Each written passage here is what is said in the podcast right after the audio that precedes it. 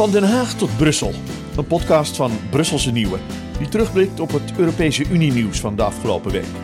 Want welke Europese wetten komen eraan die we in Nederland gaan voelen? En hoe proberen Nederlanders in Brussel hun punten binnen te halen? Van stikstof tot migratie, van spoorlijnen tot waterstof. Jasper Roorda kijkt door een Nederlandse bril naar de laatste Brusselse ontwikkelingen. Welkom en leuk dat u weer luistert naar de podcast van Den Haag tot Brussel.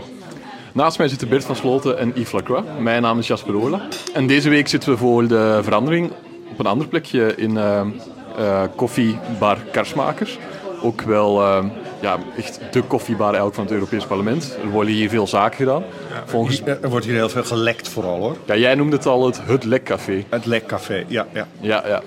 Oké, uh, deze week gaan we het hebben over Turkije. En ja, daar waren het natuurlijk uh, heel spannende verkiezingen. En we gaan even stilstaan bij wat dat nu betekent voor de Europese Unie. Verder gaan we het ook nog hebben over uh, de Raad voor, van Europa. Ik moet zien dat ik het juist uitspreek, om geen verwarring te veroorzaken met al die andere raden.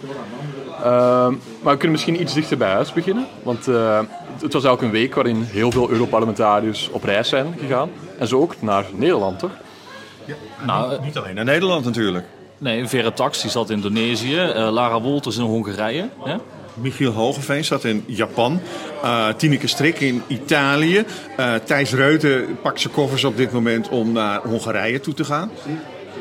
Ja, maar dus ook naar Den Haag, heb ik begrepen niet alleen Den Haag, heel Nederland. De Landbouwcommissie is op, uh, op reis gegaan uh, om uh, het Nederlandse landbouwsysteem te, ja, te doorgronden. Er zitten drie Nederlandse Europarlementariërs bij. Annie Schreier van het CDA, Bert-Jan Ruijsen van de SGP en Jan Huytema van de VVD. Oké, en ehm, zo'n tripje, wat moet ik me bij, daarbij voorstellen? Is dat dan gewoon een snoepreis om de been te strikken? Of staan er ook wel echt concreet... Uh... Nou, volgens mij is het nog te doorwerken ook. Want uh, het, was maar een programma van heb ik jou daar. Ze hebben gewoon de top of the bill van de Nederlandse agro-industrie uh, bezocht. Dus prachtige, mooie, grote bedrijven. zaadveredelaars. Ze zijn, ik woon in de buurt van Gouda. Daar in de buurt zijn ze ook geweest. Bij een kaasmakerij volgens mij. Kortom, ze hebben echt alles, alles bezocht wat de Nederlandse landbouw ja, als trots kan laten zien. team. Ik vraag me alleen af waarom in vredesnaam deze commissie naar Nederland toe komt. En waarom die landbouwers naar Nederland komen. Want daar gaat het helemaal niet om. Die, moet je, uh, die, die zijn wel overtuigd. Dat zijn de gelovigen. Die, die komen al naar de kerk toe. Wie je nodig hebt, dat zijn de, de milieutypes uh, in het Europees uh, parlement. Die liggen, laat maar zeggen, vanuit Nederlands perspectief vaker dwars. Die moet je overtuigen. Die moet je laten zien dat Nederland wel degelijk zijn best doet op het gebied van bestrijdingsmiddelen of gewasbeschermingsmiddelen. Die moet je laten zien uh, hoe het is met de Natura 2000 uh, gebieden. Die moet je de stikstof laten ruiken, enzovoorts, enzovoorts. Dus als je er echt iets mee wilt bereiken, nodig de milieutypes uit en niet de landbouwtypes. Ja, wie weet voor een volgend reisje. Ja, maar dan is het misschien... Ja, ik wil niet zeggen dat het dan te laat is, maar het is nu of nooit bijna. Hè? Je bent met die hele natuurherstelwet is, uh, is men bezig. Uh, Nederland heeft net weer toestemming gekregen dan inderdaad om de boeren uit te kopen. Je moet nu je slag slaan. En wat doen ze? Ja, dat is niet de schuld van Nederland hoor, maar het is de schuld van het Europees Parlement. Komen met de mensen die uh, ja, toch al overtuigd zijn van dat Nederland een mooie moderne landbouw heeft. Maar niet met de mensen die je zou moeten overtuigen. Uh, en ja, ik, ik, denk een gemiste kans. Ja. En daarnaast, het is ook, uh, volgens mij de laatste keer dat de Landbouwcommissie in Nederland geweest is, is een aantal jaar geleden. Echt, of, niet, niet twee of drie, maar veel langer. en in ieder geval wat ik begrepen heb, was het ook wel een beetje een moedertje. Hè? wat is nou het doel, vroeg ik. Nou, niet per se stikstof of iets dat nu speelt. Nee, het is lang geleden dat we naar Nederland zijn geweest. We gaan er nog eens een keer langs. Om even je gezicht laten zien of... Ja, nee, dat, dat, dat zal best. Maar uh, ja, bij moedjes moet je ook van tevoren nadenken. Dus um, ik zou zeggen, eerst nadenken, dan doen, toch? Ja, zeker. Zeker. Heren, zullen wij misschien uh, ook eens wat willen reizen? ik uh, haalde het in, in het begin al aan. Het zal de luisteraar waarschijnlijk niet ontgaan zijn. Het waren deze week hele spannende verkiezingen in Turkije. Want na twintig jaar president Erdogan leek het er even naar uit te zien dat er eindelijk een uh, einde aan zijn heerschappij komt. We, we weten uiteindelijk nog niet wat er uh, nu gaat gebeuren, want er is geen enkele kandidaat die meerderheid heeft gehaald, dus er komt nog een vervolgverkiezing. Um, Ja, nu, misschien denkt de luisteraar, het is toch de podcast van Den Haag tot Brussel, niet uh, van Den Haag tot uh, An Ankara of, of Istanbul. Um, waarom is dit nu relevant voor de Europese Unie?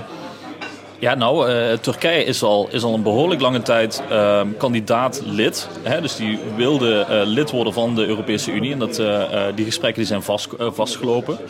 Um, een nieuwe president, hè? dus in plaats van Erdogan een nieuwe president. Eentje die wat westerser is of wat, wat progressiever is misschien, kan daar verandering in brengen. Ja, en dat lidmaatschap, dat is, het loopt eigenlijk al vanaf 1958. Toen waren de eerste aanvragen er.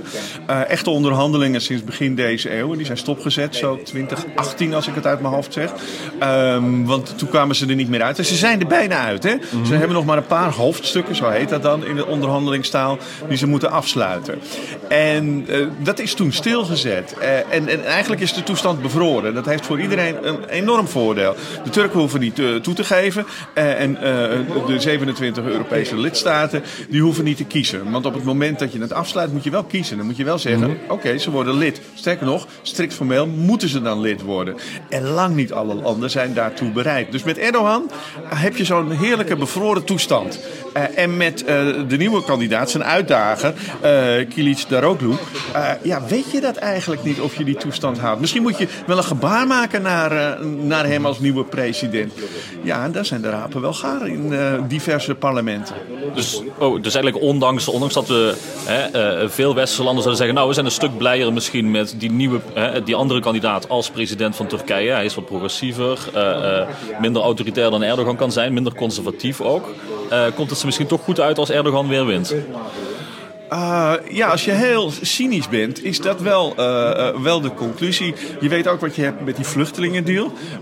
hij houdt namelijk die Syrische vluchtelingen houdt hij tegen aan de grens of, en, en, en in de tentenkampen. En je weet niet of dat het geval zal zijn bij een andere president. Dus het was eigenlijk wel een man waar je zaken mee kon doen. Ja, we, we, we, de Europese Unie, heeft er zaken mee, uh, mee gedaan. En uh, dat is niet altijd tot volle tevredenheid en soms een beetje met uh, lange tanden. maar er werden wel zaken gedaan. En er staat tegenover dat de man natuurlijk, de president van Turkije, ook af en toe ja, zo zijn nukken had, om het zo maar eens mm -hmm. te zeggen. Denk aan de NAVO-uitbreiding. Dat, ja, want daar lag Turkije dwars bij dat lidmaatschap voor Zweden. Ja, in, in, eerst Finland. Nog steeds, hè? Heb, heb je ontkoppeld en de Zweden nog steeds. Die moeten nog steeds aan een aantal eisen voldoen. En die hebben met name met de Koerden te maken. Nou, de hoop is uh, dat een, een, andere president daar weer niet zo op dwars ja. ligt. Dus in uh, Stockholm uh, duimen ze wellicht heel erg voor meneer uh, Kilic. Daroglu. Moest het even opzoeken. Ja, ja, ja. Kilic Daroglu. Dus als je het maar lang genoeg zegt, ja, ja. wordt het vanzelf makkelijk. Oké. Okay. Um, zullen we dan misschien uh, van de oostkant van het continent even helemaal doorreizen naar de volledige westkant van het continent? Want ja.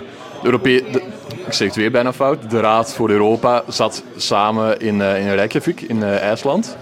En dat was best bijzonder, toch Yves? Ja, bijzonder. Het is, ze zijn opgericht in 1949. Dat is net na de Tweede Wereldoorlog geweest. Mm -hmm. hè, om, uh, om met elkaar te gaan praten. Hè. Europese leiders die met elkaar gaan praten. Een beetje hetzelfde idee als de EU.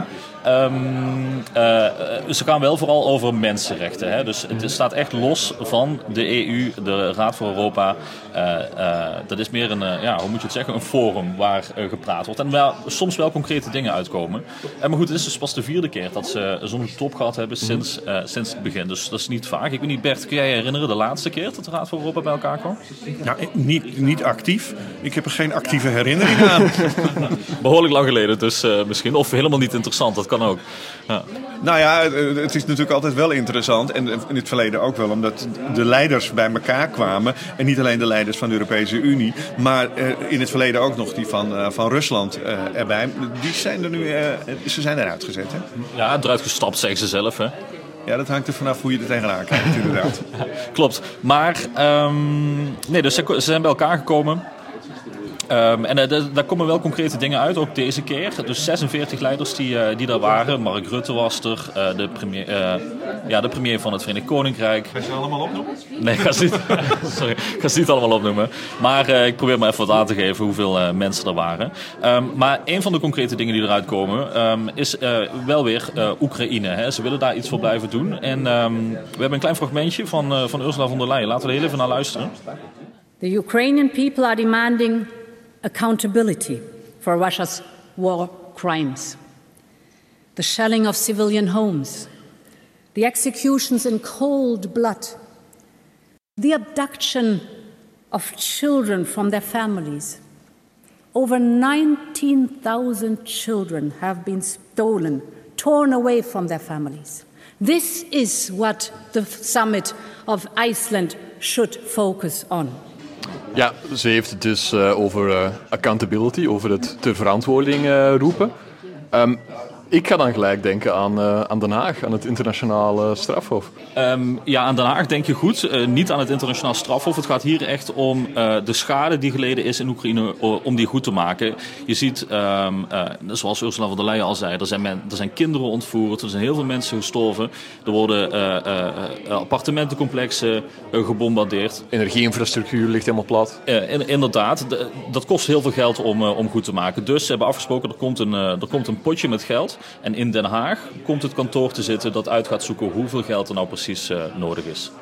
Oké, okay, um, je haalde het in het begin al aan. Er komen heel veel Europese leiders daar samen. Zo ook uh, premier Rutte. Uh, weten wij eigenlijk wat, wat voor punten hij daar nog hoopt binnen te halen? Die... Nou, er is in ieder geval gesproken met de Britten over uh, hoe we dat gaan doen met uh, vliegtuigen voor uh, Oekraïne. Want Zelensky, de president van Oekraïne, wil graag ook in de lucht een overwicht krijgen. Nederland coördineert daar het een en ander. De moeilijkheid is natuurlijk wel dat het verschillende types vliegtuigen zijn hè, die, die, die, mhm. vliegen. Dus dat moet niet alleen gecoördineerd, maar ook goed afgestemd worden en ook goed in de trainingen gedaan worden. Want ja, die Oekraïense piloten die moeten wel opgeleid ook worden. Dus Nederland heeft zich daar vooral op, op ingezet. Wel toevallig dat uh, Zelensky dan net vorige week in Den Haag was, toch? Ja, maar Zelensky is bezig aan een tour. Uh, die is eigenlijk het eerste jaar vooral in Oekraïne gebleven. En is nu bezig om overal ja, iets vandaan te halen. Als in de schouders te kneden. ja, maar ook gewoon om de, uh, de, de, steun te houden. Uh, en, en voldoende middelen binnen te houden. Om uiteindelijk de definitieve slag aan de Russen toe te dienen. Oké. Okay. Nou, dan denk ik dat we wel weer aan het einde zijn uh, aankomen van de podcast. Heb jij nog wat meegemaakt? Ik? Nou, het was best wel rustig, ja. maar ook wel eens, toch? Ja, nee, mag ook. Dat mag ook. Ik dacht, misschien heb jij nog een leuk verhaal te vertellen. Nee, ja, uh, wil, wil, je nog echt iets over? het, uh, nee. Oké, okay, nou, uh, heel erg bedankt om weer te luisteren naar, uh, naar de podcast van Den Haag tot Brussel. Volgende week vrijdag zijn we er weer terug. Um, en graag zou ik u nog willen vragen nog even te liken, te subscriben op alle social media kanalen van Brusselse Nieuwe. En uh, ja, fijn weekend alvast. Fijn weekend. Goed weekend.